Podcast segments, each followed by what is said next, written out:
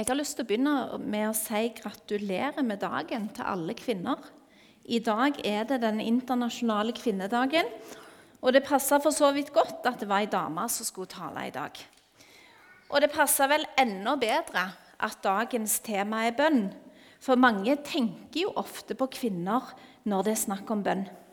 Hun var et bønnemenneske, er jo et begrep som ofte blir brukt om kvinner. Bønn er noe som jeg brenner for, og det har hatt en sentral plass i livet mitt helt fra jeg var liten. Hjemme, på barnelag og leir, UL og internatskole. Og Gjennom ungdomsarbeidet i Salem i Stavanger så ble jeg aktivt med i bønnearbeidet. Jeg har òg hatt ansvar for forbønn og samtale på UL i mange år, og er nå med der som vanlig forbeder. Når jeg fikk spørsmål om å tale her i misjonssalen, så kjente jeg at dette var noe jeg ville. Hvorfor? For det er ikke ofte jeg taler. Og jeg må si at det er krevende for meg. Mye tid går med til forberedelser. Men jeg erfarer det at når jeg får en slik utfordring, så er det med på å dra meg nærmere til Gud. Det gjør det lettere å lese i Bibelen. Det gjør det enklere å be.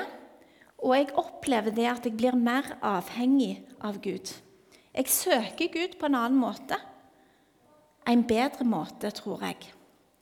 Og jeg opplever òg velsignelsen jeg får når jeg bruker tid sammen med Gud i forberedelse. Skal vi be? Kjære Jesus, takk for at du ser oss. Takk for at du kjenner oss, og takk for at du elsker oss. Og jeg ber om at du må møte oss nå i ditt ord, gjennom denne talen.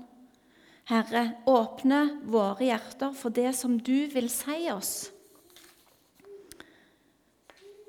Vær du med oss, Hellige Ånd. Amen. Så var det dette med bønn, da. Bønn er tilbedelse. Vi får tilbe Gud som Herre, Han som har skapt alt. Han som har frelst meg, han som har hele verden i si hånd. Bønnen er òg takk. Vi får takke Gud som har all makt i himmel og på jord. Vi får takke Gud for at han sendte sin sønn som vår frelser. Og vi får takke Gud for livet, at han er med oss alle dager, og at han har en plan med våre liv. Bønnen er òg forbønn. Vi får legge alt framfor Gud. Vi får legge de som vi er glad i, i hans hender. Vi kan få be for syke og de som har det vanskelig. Ingenting er for stort eller for lite til å legge i hans hender. Og vi vet at Gud hører vår bønn. Det er en sang som jeg er blitt veldig glad i. I en stille bønn jeg bærer til deg, en stille bønn, o Herre kjær. Små ord jeg gir deg fra mitt hjerte, fordi jeg vet du er meg nær. Du tar imot meg, Herre, med åpen favn, i det jeg skal få hvile i Jesu navn. En stille bønn jeg bærer til deg, en stille bønn, o Herre kjær. Det var disse strofene som kom til meg når Svein Anton utfordra meg til å tale om bønn. Du tar imot meg, Herre denne strofa surra igjen og igjen i hodet mitt mens jeg har forberedt denne talen. Gud har alltid, tar alltid imot meg. Uavhengig av tid. Han har alltid tid. Små ord jeg gir deg fra mitt hjerte. En stille dag, en stille bønn i hverdagen. Små sukk som sendes opp til Gud. Fordi jeg vet du er meg nær. Vissheten om at Gud er til stede i min hverdag, der jeg er, i det som jeg er opptatt av. Jeg jobba i en NLM-barnehage for noen år siden. og Her var det mange barn som kom fra ikke-kristne familier. Men foreldrene sa at det var godt at barna fikk lære det som de hadde lært når de gikk på skolen. Ei jente på fire år i denne barnehagen hun ropte på mora si en kveld. Og når mora kom inn på barnerommet, så lå jenta der med store øyne. 'Mamma, Han er der. Mamma, jeg kjenner han. Mamma, kjenner du òg? Han er der. Jenta lå i senga med hånda på hjertet sitt. Hun kjente hjerteslagene og var sikker på at det var Gud som banka. Det var mora som fortalte meg denne eh, eller denne historien dagen etterpå. Hun sa du vet at vi er jo ikke kristne, men det er så godt og trygt å vite at jenta vår eier den tryggheten når hun skal sove. Det setter vi stor pris på. Han er der. I det jeg skal få hvile i Jesu navn. Jeg får legge alt i Jesu hender. Og jeg vet at han bryr seg om meg, om hele meg. Og når han, jeg har fått lagt i hans hender, da kan jeg slappe av. Jeg får ha vissheten om at han har kontrollen. Jeg har forstått det sånn at det er vitne som er tema i Misjonssalen denne våren. Det å være et hverdagsvitne. Og På hjemmesida deres der kunne jeg lese om hva som skulle tales om hver søndag framover to ganger samme tema med forskjellige talere. Og Utgangspunktet for denne serien er verset som er hentet fra Apostlenes gjerninger 1,8. Men dere skal få kraft når Den hellige ånd kommer over dere, og dere skal være mine vitner i Jerusalem og hele Judea, i Samaria og like til jordens ender. Dette er det siste som Jesus sier før han blir tatt opp til himmelen. Disiplene står igjen alene, usikre, forlatt og overraska. Hva skal de gjøre nå? De gjør det de har fått beskjed om på forhånd. De går inn til byen. Det står at Jesus sa at de ikke skulle forlate Jerusalem, men at de skulle vente der på det Faderen hadde lova dem. Så de går opp på den øvre sal, der de pleide å holde til, står det i de påfølgende versene. Og hva gjør de der? Fra Apostlenes gjerninger 1,14. Alle disse holdt sammen og var utholdende i bønn. Også kvinnene og Maria, Jesu mor, og hans brødre var med dem. De holdt sammen, og de var utholdende i bønn.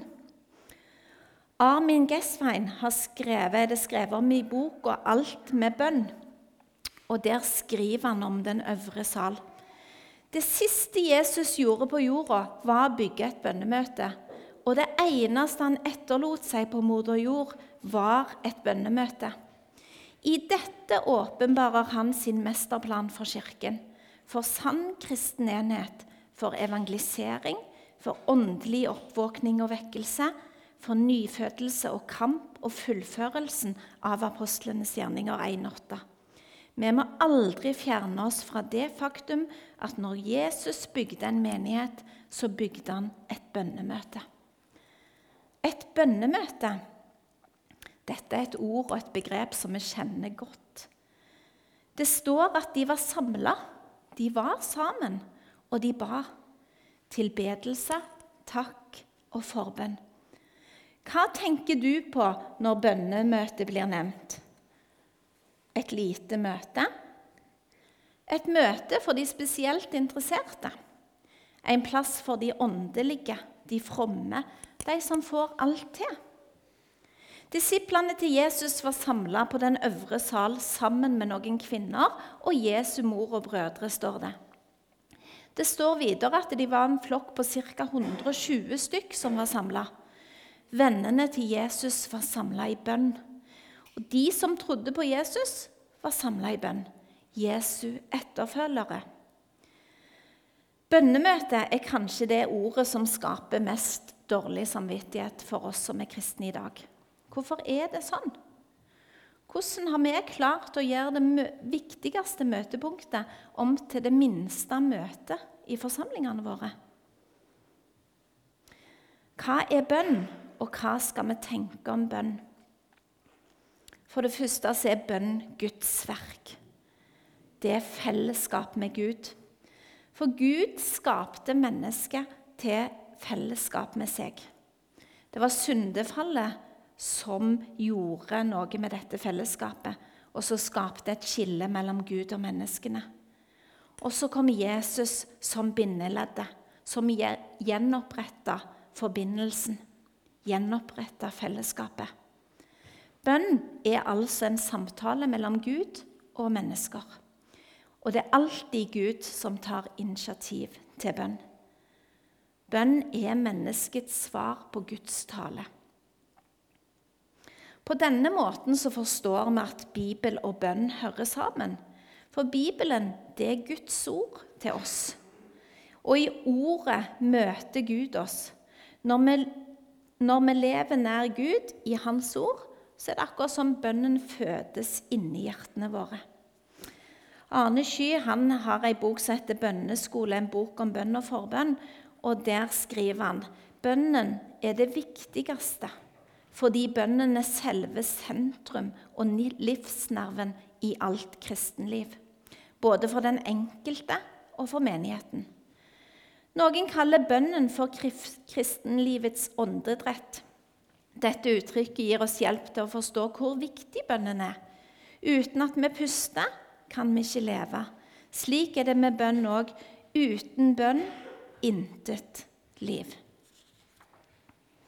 Bønn er ikke tatt opp som et tema for å trykke folk ned med dårlig samvittighet, men bønn blir tatt opp som et tema fordi bønnen er hjerteslagene i oss troende sitt liv og i menigheten sitt liv. Så hvorfor er bønn så viktig? Hvorfor skal vi be? Når vi leser i Bibelen, så ser vi at bønn var veldig viktig for Jesus. Det står i Lukas 5, 16. Men selv trakk han seg ofte tilbake til ensomme steder og ba der. Jesus trakk seg ofte tilbake. Ofte, står det. Og dette sier noe om hans prioriteringer. I Markus 1,35 så står det tidlig neste morgen, mens det ennå var helt mørkt, sto han opp og gikk ut til et ensomt sted og ba der. Og Matteus forteller òg om Jesus som ba i Matteus 14, 23. Da han hadde gjort dette, gikk han opp i fjellet så han kunne være for seg selv og be. Da kvelden kom, var han der alene. For Jesus så var bønnen både det første han gjorde om morgenen, og det siste han gjorde om kvelden. Han ba før han skulle gjøre noe, og etter at det var gjort. Han ba om Guds vilje, Guds plan for det som skulle skje. Hvis Jesus ba så ofte, så burde vel vi òg gjøre det. Og hvis Jesus hadde et så stort behov for å be, så bør vel mitt behov være enda større. Jesus han ga som et eksempel om hvordan vi skal leve livet vårt her på jorda. Og han kalte oss til å følge i sine fotspor det står sånn i 1. Peter 2, 21. Og Der er ikke det kommet med på teksten, men det leser jeg her. Det var jo dette dere ble kalt til, for Kristus led for dere og etterlot dere et eksempel for at dere skulle følge i hans spor. Det var 1. Peter 2, 21. Jesus viste oss at han trengte tid i bønn til Gud. Han trengte å legge alt fram for Gud i bønn. Vi trenger òg Guds ledelse i vår hverdag. Og på samme måte så trenger vi å legge alt fram for Han i bønn. Jeg ser på bønn som en gave til oss mennesker. Tenk at vi skal få be til Gud, universets skaper og herre. Tenk at han hører min bønn, og at han vil svare på den. Det er utrolig stort å vite. Hvordan kan vi bruke bønn for å være et vitne i vår hverdag? Og hvilken plass har bønn i min hverdag? Jeg tenker at det å lære, leve nær Gud i Hans ord er en forutsetning for å være et vitne for Han i hverdagen. Og Det er en sang som jeg ofte vender tilbake til, en sang som har fulgt meg hele livet, tror jeg. og en sang som handler om løfter, og den heter 'Dine løfter er mange'. Og I ett av versene så står det 'Lær oss elske hverandre og se hva det er du er ment med at vi bor der vi bor'. Hjelp oss vitne om Jesus for fjern og for nær. La ditt ord nå ut til hele vår jord. Denne sangen handler om min hverdag. Den handler om de menneskene som jeg møter hver dag. Den handler om å leve nær mennesker. Både familie, venner, kollegaer og naboer. Lær oss elske hverandre. Det første vi må gjøre, det er å lære å elske hverandre. Ja, vi må lære det, og vi må ville det. Det betyr at det er ikke alltid like lett. Vi skal elske de menneskene som vi møter i vår hverdag. Det er lett å elske familien og de beste vennene. Men det er ikke så eh, enkelt å elske kollegaer og naboer. Men jeg tror det er dette som er nøkkelen til å være et vitne. Vi må bry oss om de vi skal vitne for og se hva det er du har ment med at vi bor der vi bor. Hva er meningen med at vi bor der vi bor? Har du tenkt på det? De menneskene som du bor ved siden av, de trenger Jesus. Jesus elsker dem. Ja, han elsker dem så høyt at han var villig til å dø for dem på Golgata, for at de skulle bli frelst. Hjelp oss vitne om Jesus for fjern og for nær. Det er kanskje det enkleste å vitne for de som er fjerne. Ja, Vi kan sende misjonærer til andre land. De er iallfall veldig fjerne. Og kanskje vi kan betale oss ut av det. Kanskje vi kan gi litt ekstra i kollekt til noen som har lyst til å gå istedenfor meg. Jeg tenker at Jesus har en plan for mitt og ditt liv. Og det tror jeg er grunnen til at du bor der du bor. At jeg bor der jeg bor. Og det er òg grunnen til at jeg jobber der jeg jobber. Og det er grunnen til at jeg møter de menneskene som jeg møter i min hverdag. Jeg er Jesu vitne for deg, og du er det samme. Jeg tenker at Hvis vi skal være et vitne for Jesus, så er vi på en måte hans munn her på jorda.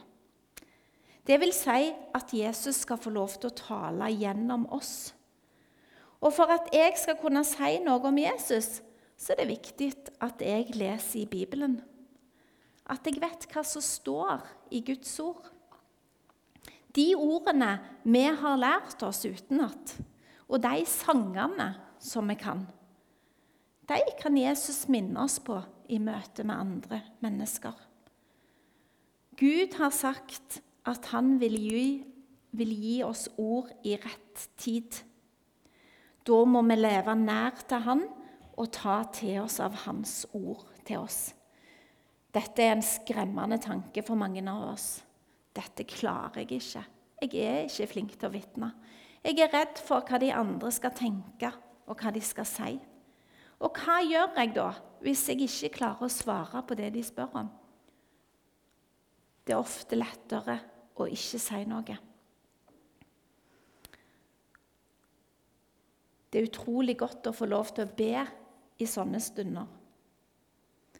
At jeg kan få lov til å begynne dagen med å legge alt det som skal skje, i Herrens hender.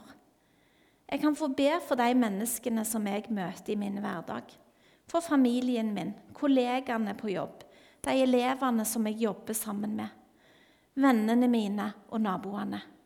Vi skal få lov til å legge det fram for Gud. Og så vil Gud gå foran oss. Det har han lova. Og så skal vi få lov til å følge i hans fotspor. For flere år siden når jeg jobbet i en barnehage, så var det ei herlig jente der som hadde en kosefrosk som hun var så glad i. Hun var helt avhengig av han. Og når hun skulle hjem en dag, så var den selvfølgelig vekke. Og vi kunne ikke finne han noen plass. Men vi visste at hun hadde tatt han med seg ut. Og frosken var selvfølgelig brun og grønn. Umulig å finne ute der det var grønt gras og sand og moll overalt. Og jenta hun var helt utrøstelig, og mora hun var helt fortvila. Den virka umulig å finne. Hvordan skulle vi klare å finne den? Bønn. Jeg ba, og jeg leita, og jeg fant den. Var det tilfeldig, eller var det gudfeldig? Et kanskje ubetydelig bønnesvar for noen, men det var veldig viktig for den jenta. Og Det er en historie som jeg har tenkt tilbake på mange ganger etterpå. Gud bryr seg om alt, sjøl den minste ubetydelige ting. Jeg studerte et år i Kristiansand, og en natt så våkna jeg av et skikkelig brak. Og så hørte jeg glasskår som singla i trappoppgangen, og at det ringte på døra mi. Og trøtt som jeg var, så gikk jeg og åpna døra, og der sto den blodige mannen. Jeg slengte igjen døra og ringte til politiet. Jeg var livredd, og jeg ba. For å gjøre en lang historie kort så kom politiet og tok med seg en rusa mann. Han skulle bare gjemme seg for noen som han trodde flykte etter han. En skremmende opplevelse for meg. Men jeg fikk be. Be til min beste venn når jeg fortalte om denne historien da, til hun studievenninna mi dagen etterpå, som ikke er kristen, så var det aller første reaksjonen hennes Du ba vel? Det hadde i alle fall jeg gjort. Og jeg bekrefta at jeg ba. Hun visste at jeg var kristen, og hun forventa at jeg ba. Jeg fikk lagt inn et lite vitnesbyrd om det om det å ha Jesus med i alt som skjer. At han er der uansett hva som skjer. Min beste venn og min frelser. En kollega av meg hun opplevde flere spontanaborter. Og hun opplevde så å bli gravid igjen. Gleden var stor, men bekymringene er flere. Du som er kristen, du ber vel for meg nå? var hennes bønn til meg. Ja, jeg ber, svarte jeg. Hun visste at jeg var kristen, og hun visste og forventa at jeg ba. Hun forventa at jeg ba for henne. Det ble en inngangsport til flere samtaler om bønn. I Bibelen så står det òg at vi skal få lov til å be for syke. I Jakobs brev blir det oppfordra til å kalle sammen menigheten og de, menighetens eldste og be for de som er syke. Og Jeg har vært så heldig at jeg har fått vært med flere ganger og bedt for syke. Både familie og venner. Da vi ba fra ei venninne, opplevde vi det utrolige at hun merka en liten forandring allerede mens vi salva og ba for henne. Og forandringen den fortsatte i dagene som fulgte og hun ble helt god. Hun har ikke senere kjent noe til de smertene som hun hadde. Hun ble helbreda. Dette var en helt spesiell opplevelse for oss som var med. En trosstyrkende opplevelse som jeg ofte har tenkt på, tilbake på med takk. Jeg var òg med og salva ba for far. De samme versene ble lest. Og vi gjorde det på samme måte. Vi ba om helbredelse og om at far måtte bli frisk igjen. Men det ble et helt annet utfall. Far ble ikke helbreda. Ikke før han kom hjem til himmelen. Men merka at Gud var nær, midt i sykdom og i død. Dette er det vanskelige med bønn. Noen ganger virker det som Gud hører oss og svarer oss. Andre ganger virker det som at bønnen ikke når fram. Hvorfor er det sånn? Jeg tror ikke vi får svar på det her på jorda. Men jeg mener at bønn er et av de største privilegium vi som kristne har fått. muligheten til å be, alltid be. Løftene som er knytta til bønn, vissheten om at Gud hører oss, og om at han vil svare oss. Det står i Hebreerne 7,24 Jeg ser jeg har Der var han. Men Jesus har et prestedømme som ikke tar slutt.